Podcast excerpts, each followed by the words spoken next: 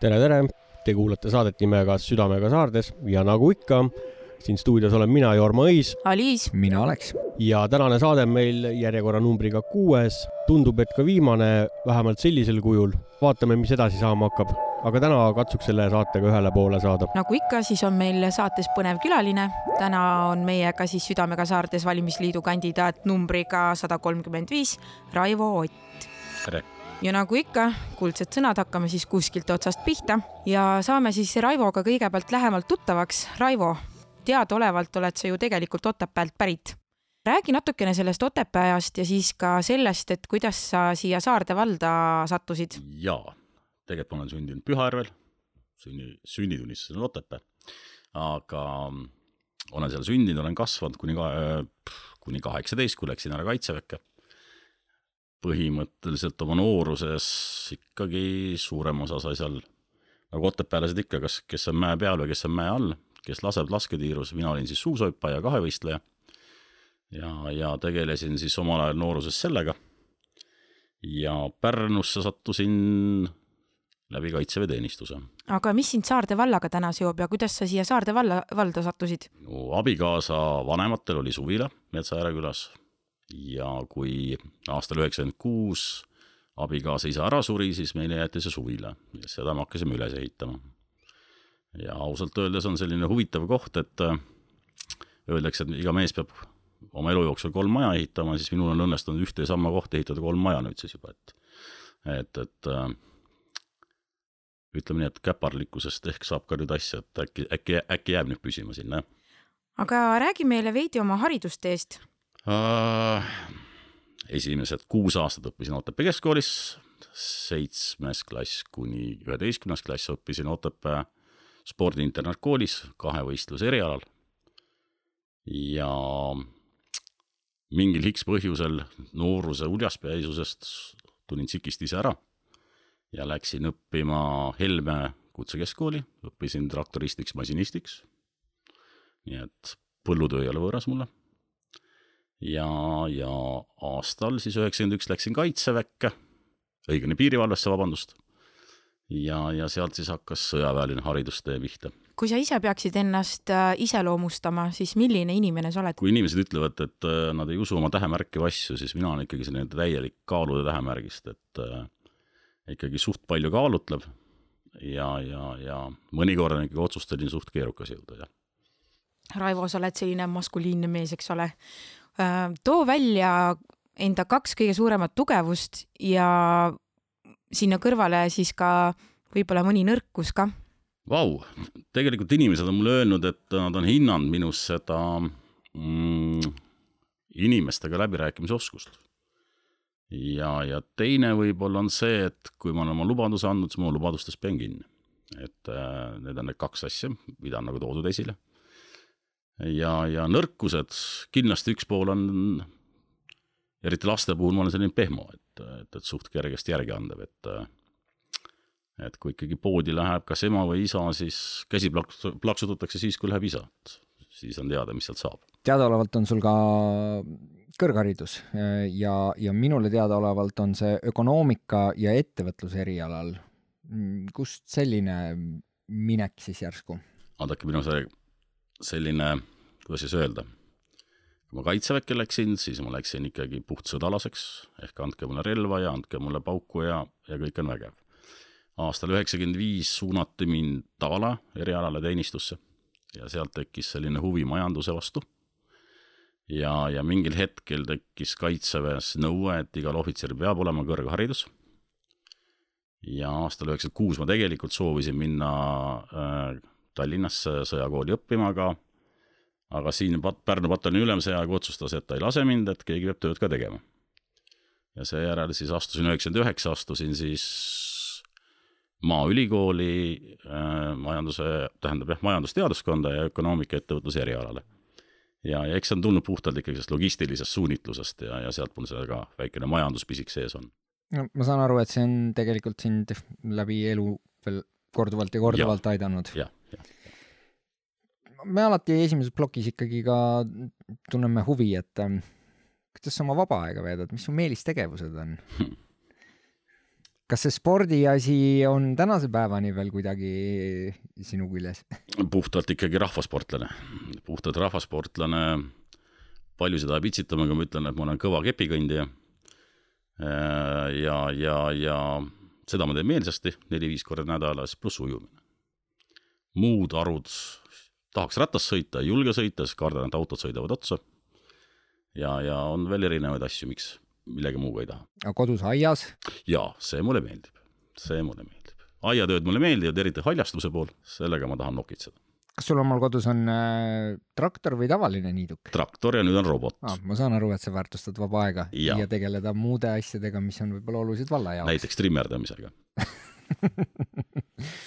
aga me siin nüüd natukene seda sporti juba katsisime, et äh, minule teadaolevalt on äh, tegelikult äh, üks sport, mida harrastatakse, no tihtipeale ikkagi siseruumides, on kaardimäng.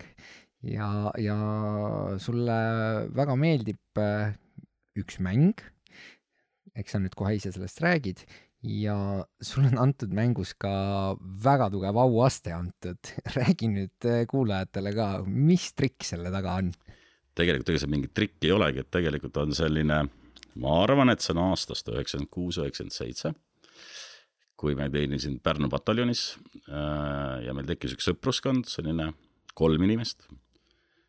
Äh, ja me hakkasime kuus korra tegema kaardipõrguid enda arust, enda, enda teada ka, sest need õhtud olid ikka sellised kaheksa-üheksa tundi.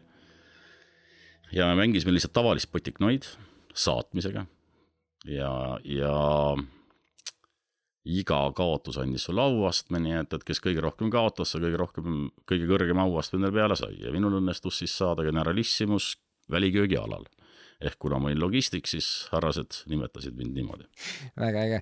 ega see, see sõpruskond on, see on ju ka omamoodi kogukond ja, ja see on üks meie tegevustest, meie harudest, mida me üritame ju nüüd oma valimisliidus vägagi edendada, et, et neid tekiks rohkem ja et nad oleks tugevamad. ma saan aru, et sinul on väga hea kogemus olemas juba.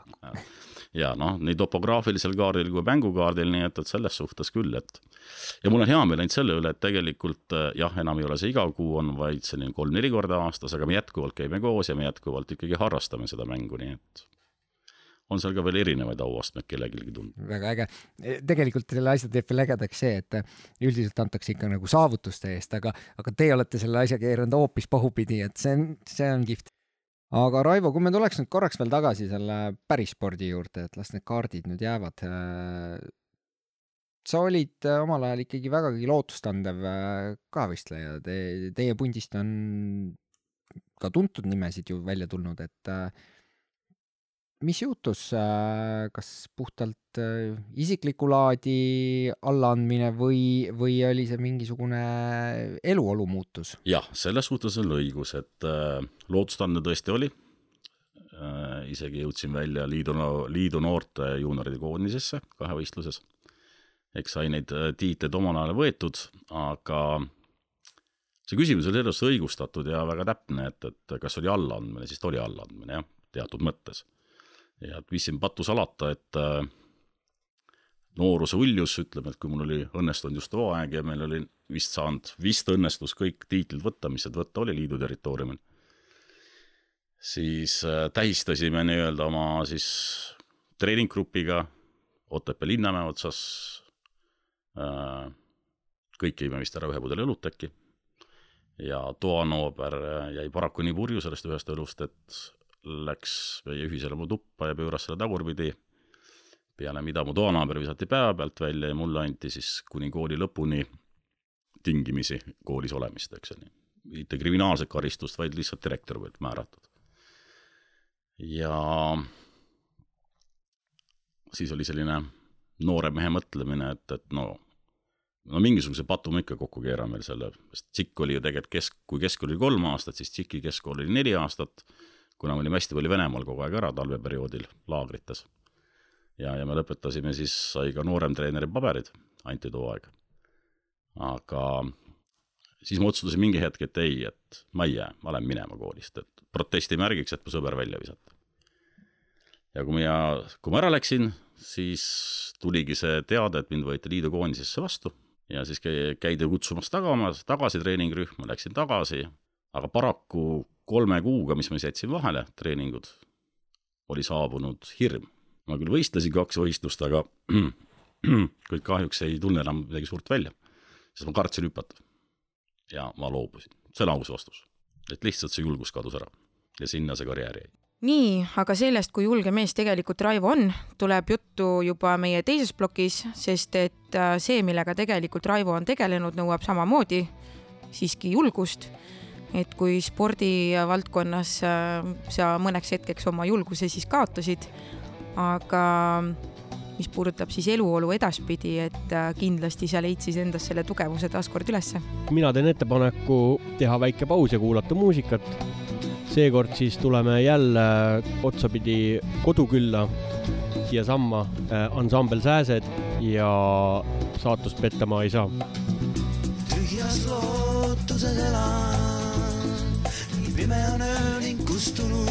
Tähed.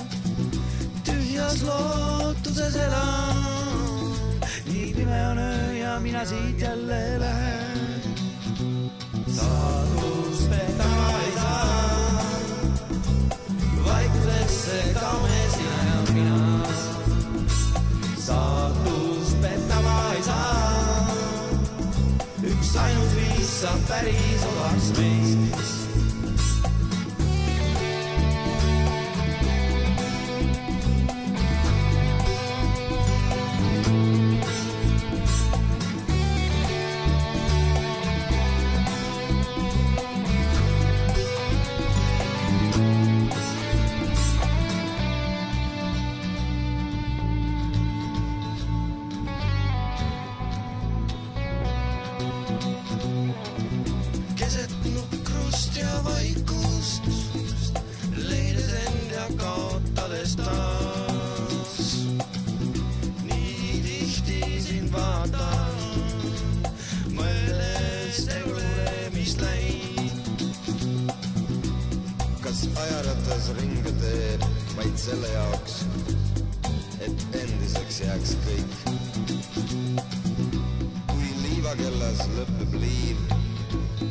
Manhattan.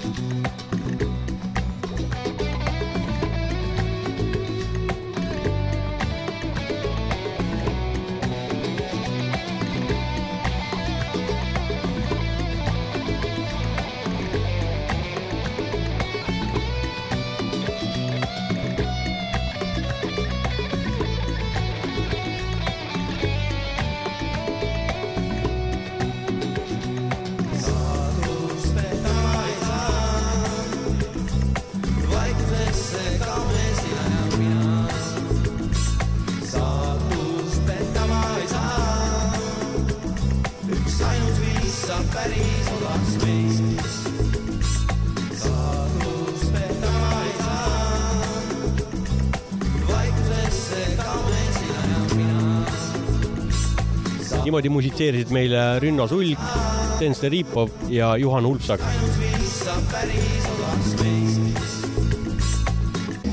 Nemad koondusid siis äh, nime alla Sääsed aga nüüd siis hakkaks rääkima Raivo tööelust ja nendest asjadest, äh, millega sa oled tegelenud ja millega sa hetkel tegeled.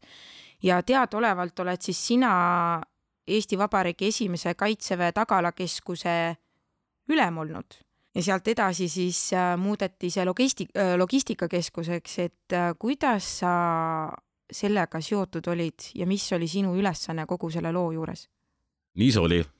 tegelikult jah, see, ütleme, et see tagalakeskus oli tegelikult ajalooline ajalooliselt oli ikkagi Eesti Vabariigi ajal esimene oli vaba, äh, varustusvalitsus ja seejärel Eesti ajal taastati, siis kaks tuhat üks taastati Tagalekeskus. Äh, no tegelikult oli see, et, et ma aastast üheksakümmend neli kuni kaks tuhat üks teenisin Pärnu pataljonis äh, ja viimased viis aastat sellest olin siis logistika, ütleme Tagal ülem. ja kuna meil siis ütleme oli see aeg ikkagi väga korralik selline vabadus ise, ise kujundada ja, ja olla aktiivne ning koostada õpikuid, loomulikult e-, eelnevatel kogemustel ja, ja õpitul endal, mis sa oled saanud, siis mingi hetk tehti mulle ettepanek, aastal oli kaks tuhat üks, et nüüd on aeg Pärnust edasi liikuda ja Tagala keskusesse minna ja seda üles ehitama. kuna ma olin noor, ma olin kahekümne kaheksa aastane, nooremleitnant siis ma andsin nõusoleku, et ma olen nõus minema sinna jaaskonna ülemaks, mitte mingil juhul ülemaks. kuid mingil põhjusel peastaabis ikkagi otsustati määrata mind ülemaks. et ma mäletan seda päeva, see oli viies juuli, kui ma läksin teenistusse. ja siis me istusime, mina ja raamatupidaja kahekesi. Ja hakkasime seda siis üles ehitama, et, et meile siis allutati tagalapataljon, allutati kesklaod, ajapikku tuli tervisekeskus, kaitseväe orkester ja teadaolevalt siis kaks tuhat üks, kui oli see kaksiktornide ründamine, siis alustati ka Afganist-, äh, tähendab Iraagi sõda. Ja, ja meile lisandus siis ka kohustus toetada, kuna läks ka välja meie üksus, siis me pidime leidma lahendused, et äh, meie üksust toetada rahvusvaheliselt. siis nähti, et Tagala keskus on liiga lai mõiste ja liiga, liiga kokku surutud asi ning laiendati logistikakeskuseks, ehk meile liideti siis ka veel kõik missioonidel osalevate sõdurite ja üksuste toetus. nii et, et äh, seetõttu ta nimetati tegelikult ümber. noh, mis oli minu roll, eks minu roll oligi see, et see koostöös kaitsejõudude peastaabiga see üksus käima vedada. Nii et me olime aastal kaks tuhat kaks olime kaitseväe kõige suurem üksus, meil oli seitsesada kaheksakümmend inimest, kes pidi koosseisus olema. ja, ja see tegelikult sai meil suht hästi toimima. nii et täna on ta meil toetusväe juhatus. aga täna, Raivo, sa oled eraettevõtja. nii on. transpordivaldkonnas. ja, ja kaitseväest transporti. miks nii? teate, see oli üks selline huvitav aeg, et äh, kuna ma olengi üheksakümmend üks kuni kaks tuhat neli olin teenistuses ja kuna ma olin ikkagi ilmselgelt suunitlenud ennast karjääriohvitseri pea, ohvitseri suunas ehk siis selles suunas, et ikkagi mida kõrgemale, mida kaugemale, seda parem Äh, ja ma rändasin suht palju ringi. ja ütleme nii, et, et aasta kaks tuhat üks kuni kaks tuhat neli oligi minu elus üks keerulisemaid, kuna ma õppisin Maaülikoolis tsiviilkõrgharidust ja samal ajal õppisin Soomes sõjalist kõrgharidust, et ühesõnaga kaks ülikooli pluss asutuse ülesehitamine. ja, ja ütleme nii, et ega kodus oldud aeg oli ikka väga üürike mis mõjus mu era, eraelule ikkagi väga laastavalt. kuna pere ei olnud nagu nõus ka tulema Tallinnasse kaasa. ja siis sattus selline huvitav periood, et kui ma olin mõlemad sõjakooli ja, ja, ja ütleme siis Tartu Ülikooli ära lõpetanud, siis suunata mind äh, neljaks kuuks Kanadasse inglise keelt õppima, et järgmiseks kooliks siis valmistuda. aga see oli selline hea mõttekoht, et ehk kus ma sain oma elu üle järgi mõelda, et äh, et kas ma ikkagi tahan sellist elu, et äh, tütar oli see aeg oli ju seitsmeaastane, poeg oli viieaastane. et, äh, et nii, noh, ma pean valima ilmselgelt, kas siis karjääriohvitser või pereelu, kahte korraga paraku mina ei osanud seda kokku panna. ja kaks tuhat kolm lõppdetsembris ma tulin Kanadast tagasi ja siis mul õnnestus saada Pärnusse teenistusse, siia loodi maa, Lääne maakaitseringkond ja mind suunati jaanuaris siis siia teenistusse ja, ja selle aja jooksul, ütleme siis sügiseks oli mulle selge, et äh, ma enam ei ole valmis nagu minema kusagile jälle kolmeks aastaks ära teenistusse. Äh, tuli loobuda. ja, ja tuli suve jooksul tuli hästi palju pakkumisi erinevaid eraettevõtlusest. Nii et ma langetasin otsuse era, eraettevõtluse ja kodu kasuks. mina saan sinu mõttest väga hästi aru, olen isegi kodust ära olnud ja, ja see otsus tuleb mingil hetkel, see tekib iseenesest. ja ei muidugi noh, ütlen abikaasa tegelikult oli tubli, eks ju nii, et, et äh, au ja kiitus talle, et äh, tegelikult ta võimaldas mul käia, õppida, rännata, et mul oli hästi huvitav ja kirev elu, et äh, mis saaks ühele noorele mehele, alla kolmekümnesele mehele, kes on täis elujõudu, selliseid väljakutseid hammaspäevale visata, magadki öösel viis-kuus tundi ja kõik on hästi ja sa jaksad ja jaksad ja jaksad, aga, aga lõpuks jah, kolmkümmend kaks sain, siis ma endalt küsisin, kas nüüd või mitte kunagi, et. väga ilus kuulata. kuid täna, olles tegev siis transpordivaldkonnas, et äh, millised on sinu kõige suuremad äh, mured ja, ja peale seda siis on ju kindlasti ka rõõmud, õnnestumised mm,? noh, punkt üks õnnestumine kindlasti on see, et me ju tegutseme seitsmeteistkümnes aasta. meil on täna veel tööl inimesi, kellega me koos alustasime pisikese ehitusettevõt-, ehitusettevõttena ja transport tuli sinna juurde. Äh, no mis on rõõmud, eks, eks me täna oleme kõike lugenud, et ega täna on ikkagi ju põhi, põhi meie mure ja probleem on see, kuidas saada noori autojuhte peale, et, et äh, täna see on ikkagi selline kübaratrikk, et kuidas sa neid saad ja kuidas sa neid kinni hoiad. Äh, see on keerukas, ütleme, et riiki sisse sa veel leiad kalluri peale, aga ütleme, kui ikkagi riigist välja, et meie ju põhisuund on ikkagi tegelikult rahvusvaheline transport, meil on ikkagi kümme masinat on, on rahvusvahelise transpordi peal ja kuus tükki on siis siin kallurite peal, aga, aga, aga ei leia, lihtsalt ei leia inimesi, kes tahavad seda tööd teha. jah, aga samas me kuuleme kogu aeg, et inimesed ütlevad, et tööd ei ole. mina kui ettevõtja, ma, ma, ma nagu tihtipeale ka muigan, et mismoodi? tegelikult ju on. tööd on, tööd on ju palju ja, ja meie ütleme nii, et, et ega mina isiklikult oma ettevõttega olen häälestunud sellele, et, et me sõidame ainult Soome ettevõtete all. Meil on väga kindlad tööd, et mehe, mehi veel hoida, et me ei käi Soomes ise koormat laadimas, me ei pane, ei anna seda ise maha. meile saadetakse, saadetakse laaditud äh, Haagis Soomest Eesti, viime selle Itaaliasse, anname maha, võtame peale, paneme Tallinna sadamasse, et võimalikult palju anda nagu aega inimestel kodus olla oma perede juures. et sisuliselt ikkagi selline kümme päeva reisis, viis päeva kodus, et sellist takti üritame hoida. loomulikult, ega siis, mis on ju peateema, palk võiks olla suurem ja nii edasi ja tagasi. noh, jah, alati võiks, alati tahaks. aga paraku on meil ka see, et, et eks täna ju me võitleme kütusehindadega samas teiselt poolt sa saadki ju aru, et, et ega siis ka inimese jaoks see kütus kallineb, energia kallineb, kõik kallineb. et eks üritame ka sellega takti pidada, aga kerget ei ole seal midagi. Aga samas ei ole ka midagi sellist, et viskaks nüüd mütsi nurka, ütleks, et aitab, et täna oleks ju hea autosid maha müüa, sest et autode hinnad on laes. uusi võtta ei ole. aga minu jaoks ei ole see lahendus. ja seni, kuni mul on tegijaid, seni me teeme. üks väga hea Kilingi-Nõmme mees on meil autojuht juba pikki-pikki aastaid, kellega just alles eelmine nädal rääkisime ta ütles, et võiks alati olla parem, aga ta on rahul, mis ta teeb ja teeb seda hea meelega. seda on hea kuulda. minule ka meeldib see, et oma valla inimesedki saavad tööd. aga nüüd tuleks äh, sinu kodukoha juurde ehk siis Metsaääre küla juurde. et äh, avaks võib-olla seda Metsaääre elu ja olu veidi rohkem. et äh, sina kui metsa ääres äh, elaja, elanik, pere on seal, et mis on täna Metsaääre kõige suuremad rõõmud ja mured? Rõõm on see, et, et meil on tegelikult äh, kuuskümmend neli majapidamist seal.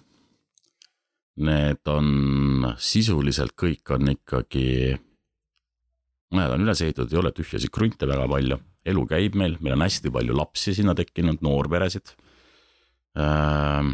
tuleb juurde järjest püsielanikke kes on nagu ka sisse kirjutatud ja kasutavad siis neid valla lasteaedasid, valla koole see aasta näiteks ma tean meie külas kolm inimest, kes on läinud äh, Surju lasteaeda tööle.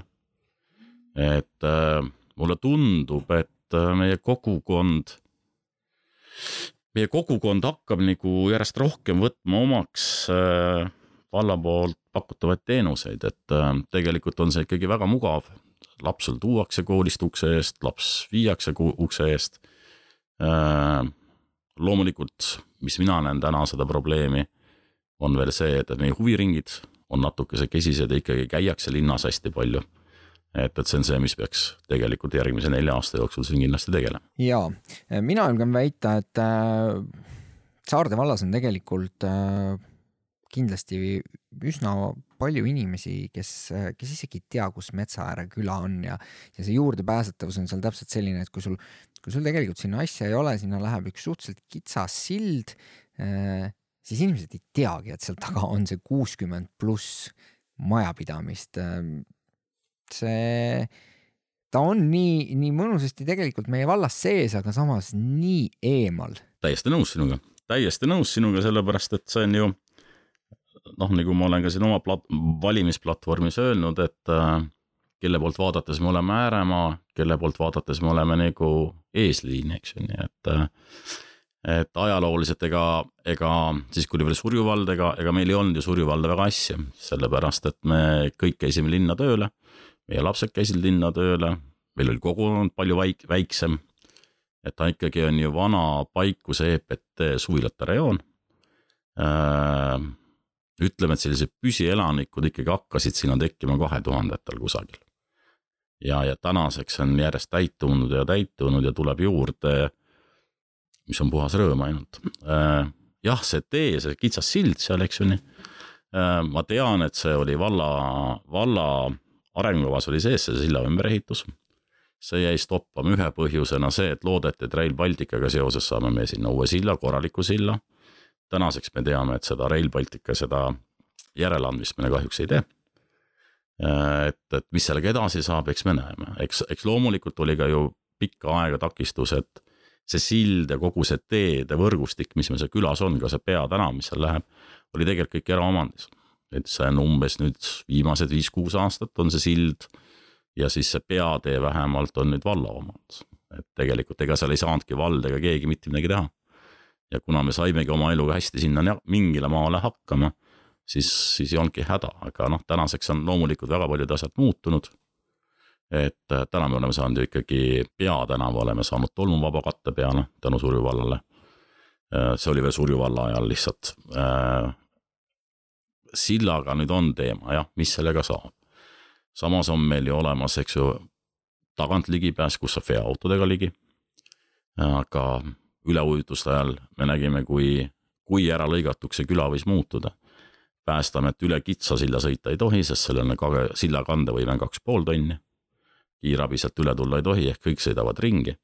aga kui oli üleujutus, siis juhtus niimoodi, et ka see metsatee, mis meil on siis kolm kilomeetrit pikk, siis umbes selline viie-kuuesaja meetri ulatuses oli see tee kõik üle ujutatud ja Päästeamet teatas meile, et nemad seda teelõiku läbida ei tohi, kuna põhi on kontrollimata. siis tegelikult me olime ikkagi üks nädal aega väga halvas olukorras, et kiirabi meieni ei oleks tulnud, ei oleks tulnud Päästeamet meieni. et täname Jumalat, et läks seekord ilma ühegi suurema nagu viperuseta. et kohalik külamees, kellel oli ka veel kass kuuskümmend kuus, siis see tassis rahvast külla ja külast välja, eks. et see on selline reaalne situatsioon, mis on meil seal olnud ja minu arust kaks korda see aeg, kui mina olen seal elanud aastast üheksakümmend kuus. siinkohal jällegi tuleb välja see teie kogukonna mm, tugevus, et äh, ka kõige kehvemas olukorras leitakse lahendus, et näed, ühel mehel oli selline masin, on selline masin, et äh, ei ole lahendamatuid olukordi, et tuleb mõelda ja see on väga hea, kui inimesed panevadki nagu oma pead kokku, et äh, nii, nüüd on tegelikult paha olukord. ja no ega seesama ma tuleks selle elektriteema juurde, et see on, mis on siin kaks aastat tagasi. kaks aastat tagasi nagu oli väga aktuaalne teema, eks ju, et ega seal kogukond oli ju see, kes tegelikult ikkagi tänu kogukonnale suutsime selle elektriteema ära lahendada. ehk lähemalt, kes ei tea, siis seda, et meil oli kuuskümmend neli majapidamist ja kuni siis eelmis, selle, vabandust, käesoleva aasta esimese maini oli meil siis elektri tasumine selline, et, et meil oli ainult kaks liitumist ehk pool küla maksis ühele inime-, pool küla maksis eh, ühele liitu, liitumist omavale isikule elektriraha ja teine pool küla maksis siis teisele poolele, et eh, et noh, kui te kujutate ette, kui palju võis sealt tulla elektrikilovattide vahesid. Ja seda kõike klatiti tegelikult kogukonnas ja saadi sellega hakkama aga, aga noh, mure oligi see, et, et elektriliinid jäid järjest vanemaks. aga nüüd, kui ma lõikan sulle vahele siia, et äh, kui heal tasemel siis tegelikult täna seltsi ja kogukondade ühendus omavalitsusega on, et kas see probleem täna on teil siis äh, lahenduse saanud, nagu ma aru saan? ja see on lahendatud ja see on lahendatud tänu, tänu siis kaks aastat tagasi võimul oleva võimul oleva siis vallavalitsusega koostöös, kes siis äh, toetas meid et äh, meiepoolne ettepanek oli see, et me maksame, kuna see, ütleme, et see ehituslik maksumus oli viiskümmend kaks tuhat eurot, siis meiepoolne ettepanek oli, et me maksame ise kinni viiskümmend protsenti sellest ja palusime vallalt abi viiskümmend protsenti. millega nagu esialgu oldi nõus, meid toetas väga kõvasti Kadri Aia, Eiko ja Jaanus Männik. ja, ja me läksime, tegime kõik hanked, projekteerimise hanked, ehitushanked ja läksime siis vallast raha küsima. ning äh, mind kutsuti siis vallavolikogu ette aru andma, et mis on, kuidas on siis paha lugu oli see, et, et äh, head sõbrad-tuttavad, kes olid volikogus, koputasid õla peale vaikselt väljaspool koosolekuruumi, ütlesid ja me saame aru, te olete esimene kogukond, kes tuleb, ütleb meile reaalselt viiskümmend protsenti raha ja tahate viitekümmet juurde saada. inimlikult ütlen jah, te saate. Poliitiline olukord on selline, et ei saa seda, eks. ja põhimõtteliselt volikogu ees siis, äh, kui ma käisin seal esinemas, siis tehti meile selgeks, et see kuuekümne nelja korstnaga kogukond või kuue korteriga maja toodi võrdluseks, et et kui me anname teile viiskümmend protsenti raha, siis näiteks kuue korteriga maja tuleb, küsib fassaadi remondiks raha, siis me peame kõigile hakkama raha jagama, eks ju, noh. Mis minu jaoks oli ääretult, ääretult nagu vale, vale põhjendus, vale asi, me ei küsinud keegi endale veetrasse, me ei küsinud endale soojustust me küsisime seda, et see küla saaks üldse edasi eksisteerida normaalselt. pakkusime omalt poolt lahendust, me ei tulnud kaks kätt taskus ja öelnud, et kuulge, et köhige nüüd kõik kinni jumala eest. et sellist asja ei olnud. Õnneks jälle kaine mõistus võitis, saime vastu nina ära. Siis ma palusin äh, volikogu liikmetel tulla külla meie Metsaääre külla. Õnneks tuli neid sinna, ei hakka peast valetama, kas kaheksa-üheksa, pluss volikogu esinaine ja vallavanem ja nii edasi.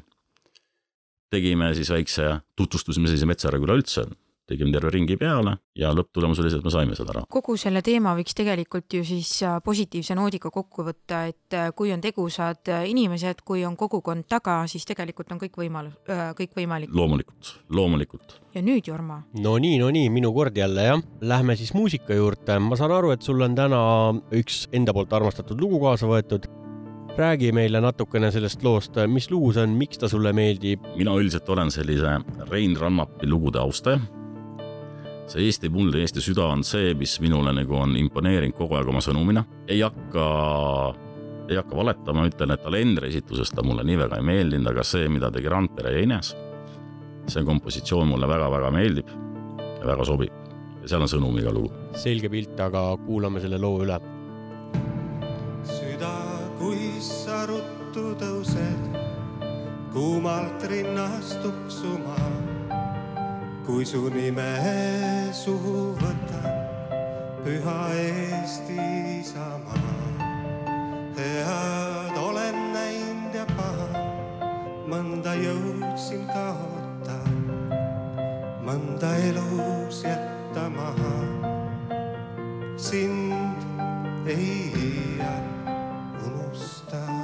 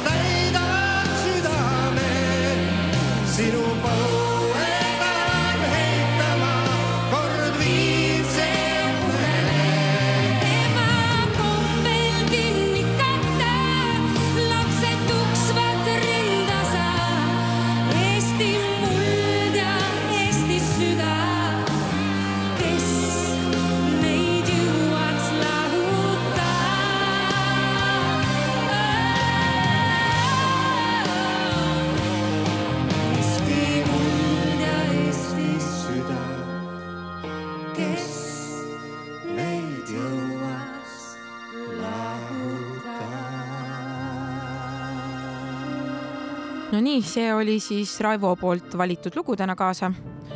ja olemegi jõudnud siis kolmandasse plokki, kus me siis käsitleme äh, valimisteemat ja, ja natukene rohkem poliitikat ja hetkeolukorda Saarde vallas.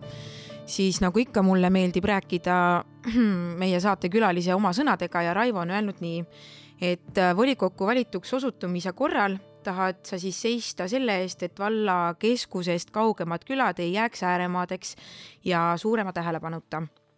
ja nüüd minu küsimus sinule on see, et äh, miks sulle meeldib elada Saarde vallas, et äh, millisena täna sina meie koduvalda näed? Vau, see on selline mõnus küsimus. see on selline hm,, kuidas ma nüüd ütlen, laias laastus võiks ju niimoodi öelda, et ei ole vahet, mis vallas me elame, peaasi, et ma ennast mugavalt tunnen seal. täna me oleme Saarde vallas, mina olen sellega rahul. Asjad on siiani liikunud. eks, eks üks ju ikkagi poliitikasse tuleku põhjuseid on see, et äh, tahaks nagu ise natukese kaasa rääkida ja, ja miks on minule hingelähedane just need ääremaad, ongi see, et äh, paraku ma näen pahatihti, et äh, väga palju tähelepanu, auru ja ressurssi läheb nendesse keskustesse, olgu siis Kilingi-Nõmme, olgu siis Surju. On ka loomulikult väiksemaid kohti, kuhu on panustatud ja ma saan ka väga hästi aru, et, et ega raha kõigile ei jagugi korraga. aga peaks olema ikkagi selline natukese pikem plaan, et äh, inimesed oskaksid, oskaksid arvestada, mis siis nagu nende regioonis ootab. Enda, enda külas ma näen näiteks seda, et kuna me ikkagi ise pean ennast ikkagi nii-öelda väravaks Saarde valda, meie küla siis äh, meil oleks vaja sinna saada, et inimesed hakkaksid ka meie kandis liikuma. Üks võimalik tee olekski see, et, et teha kergliiklusteed, kui meil tuleb see Uulu-Valga maantee. kui meil tuleb Uulu-Valga maantee ja Uulu-Valga maanteeni tuleb Pärnu linnast meil äh, kergliiklustee, siis tegelikult sealt ristist, Uulu-Valga ristist Surju keskusesse oleks kaheksa kilomeetrit, millega saaks jälle panna inimesi liikuma olematu on meil ju turismi pool, see on see, mis kõik annaks tegelikult võimaluse inimesel rännata, käia vaatamas.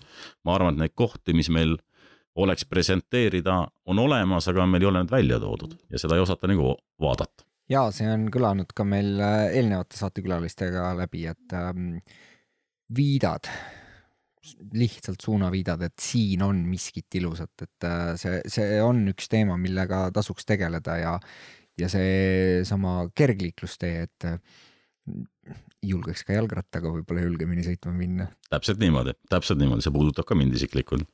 aga loomulikult äh, on ka, me oleme täna ikkagi aastas kaks tuhat kakskümmend üks ja pahatihti on ju oma küla näitel jälle äh, noh, kui praegu on pime aeg hakanud, siis tegelikult on see, et, et meie küla on kottpime ehk tänavavalgustus, mis on elementaarne ohutuse teema Äh, lapsed kõnnivad teedel, autod sõidavad, on kaks varianti, läheb pimedaks, kõik lapsed tuppa. või siis ikkagi anda see võimalus, meil ei ole kergliiklusteed ka oma küla vahel olemas, õnneks see liiklus ei ole täna nii meeletu, aga see on järjest kasvav. et äh, isiklikult näen, et ikkagi ka väiksemates külades, kohtades puht turvalisuse pärast peaks olema täna valgustus. see oleks see, mida mina näeksin milles ma tahaksin seista nüüd selle järgmine nelja aasta jooksul, kui peaks osutuma valituks. noh, kuus, kuuskümmend pluss äh, suitsu või, või siis majapidamist, et äh, see on ikkagi suur kogukond ja, ja valgustus on vägagi põhjendatud eeldus. aga kuna teil seal nii tugev see kogukond juba on, et äh, olete ka läbi mõtlenud selle valgustuse teema noh, ma saan aru, et et te, te nii tugevalt nagu oma asju seal ise planeerite ja siis kaasate ka valda.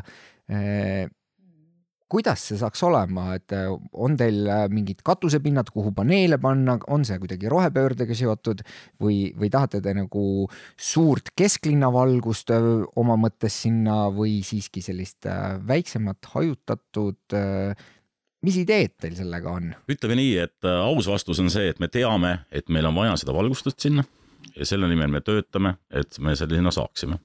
see on ju seotud jah, puhtalt ohutusega. Kindlasti on meile vaja sinna tänava, sellist linnatänavaid, kus on valgustepost valgusteposti kõrval. meile pigem piisab selline markeering, ehk me näeme, kes kus liigub ja me ise ka näeme, kuhu me astume või mis me teeme. ja lapsed saavad väljas olla ja veel ratastega sõita kas ta roheline, on ta tavaelekter, ütlen ausalt, ei ole selle peale mõelnud äh,. nagu me teame, siis roheenergia on täna selline natukese rahva seas sõimusõna, sest see on väga kalliks läinud kõik äh,. võimalik, et kui on sellised mõistuspärased ja rahakotti kannatavad lahendused olemas tänasel päeval, siis äh, kindlasti rohe. kui see läheb ikkagi üle mõistuse kalliks. ja kuna me ei eelda väga, väga suurt valgusvihku sinna, siis see võiks olla ka täiesti tavaelekter, mis on ka toodetud eeldatavasti roheenergiaga. Eeldatavasti. Jah, jah. aga, aga, aga kindlasti me ei ole mõelnud, et mingisugused päiksepaneelid kellegi maja katustele või nii edasi, et see on ikkagi eravara ja teine asi on ikkagi valla asi.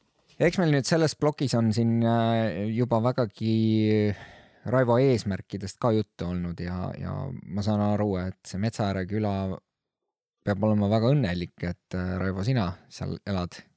Ma saan aru, et sina oled üks äh, kogukonna eesliikujatest ka. noh, tegelikult võtame jälle ajalooliselt, siis ega tegelikult ju Metsaääre külaseltsi esimees on Urmas Isand, kes oli ka meil, kes on nii-öelda et ka praeguses koosseisus, vallavolikogu koosseisus, aga paraku tema tervislik seisund ei lubanud rohkem tal jätkata, nii et ta on paar aastat eemal olnud. aga ütleme nii, et meil on ikkagi selline Metsaääre küla seltsis on meil selline viis inimest juhatuses. Kõik on andnud oma panuse siin. et kes on tegelenud meil mänguväljakutega, kes on meil tegelenud äh, sillaremontidega, kes on tegelenud, ma ei tea, heakorrastustöödega. et noh, tegelikult on ka peale juhatuse liikmete loomulikult on seal väga palju aktiviste, kes, kes aitavad teha ja kes kõik koos teevad, et äh, lihtsalt minu peale on jäänud siiani need sellised majanduslikumad teemad ehk elektriliinid, mingid teede pindamised, täna tegeleme koostöös vallaga, et saada meie teedevõrgustik korda ja üle antud vallale, ehk see, et nad saaksid avalikeks teedeks, mida võiks remontida, mida võiks hooldada, mida võiks, saab ka nimetada.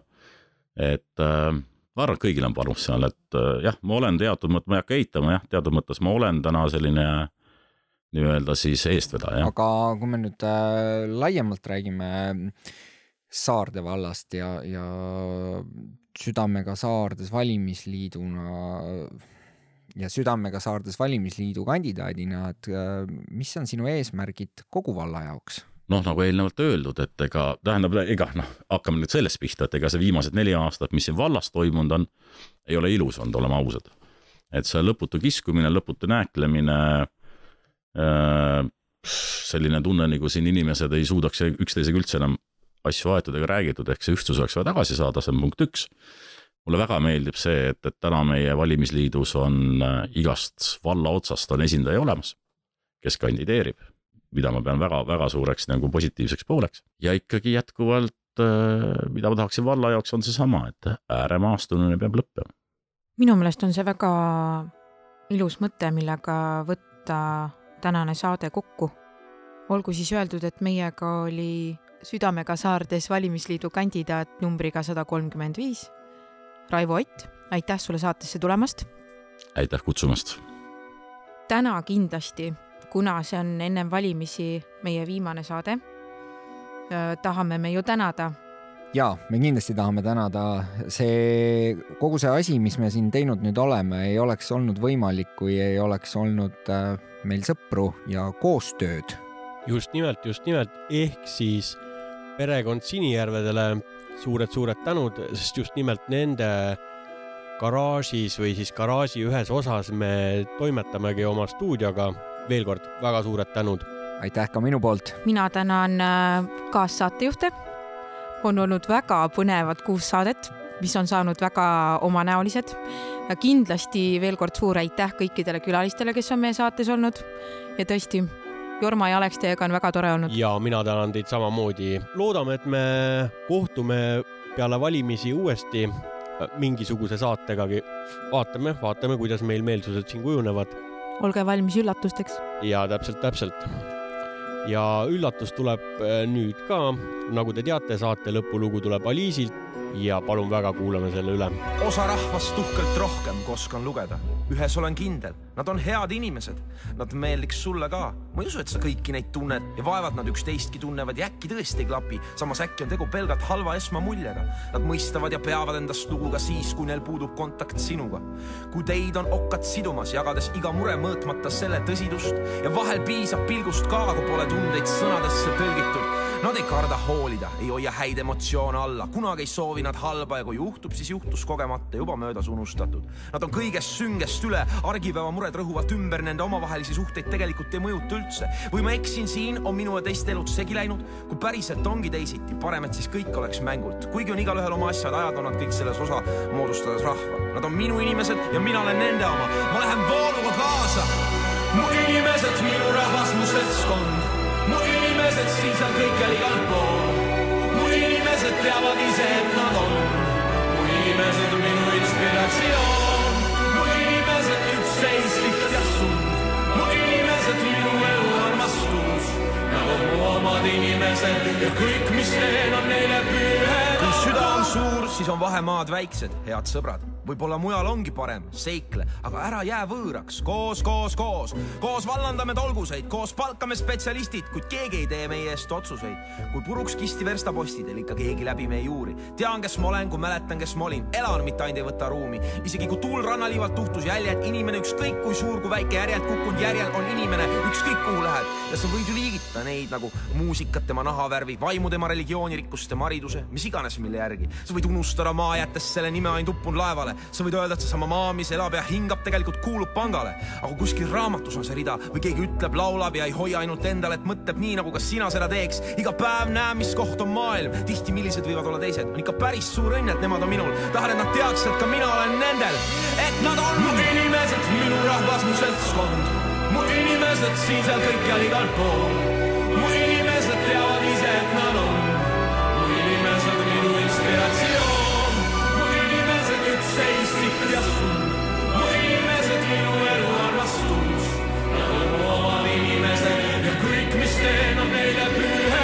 Pühendatud. minu vanematele ja inimestele, kes on ühendatud. see on pühendatud kõigile, kes tunnevad, et see on neile pühendatud. otse kontrollkeskusest, kasutamata ütleja hääle privileege. pühendatud kõigega, mis mus on, nii palju kui palju tähendab kõige kõrval üks inimene. räägin, sest nii hakkab kergem. kuningatele külakeeles lihtsalt tänan võimalusest näidata, mis meelel, südamel kirjas. Tooret ausalt, kui vaja, kirjutan verega alla. see jääb rahvale, mitte ei lähe mehega hauda. teenin oma inimesi ja ei tee erandit. ütlen veel kord, minu inimesed ja ma ei unustanud mitte kedagi mitte kedagi. mu inimesed, minu rahvas, mu seltskond, mu inimesed siin-seal kõikjal igal pool. mu inimesed teavad ise, et nad on. mu inimesed, minu inspiratsioon, mu inimesed, üksteis siht ja sund. Mu omad inimesed ja kõik, mis teen, on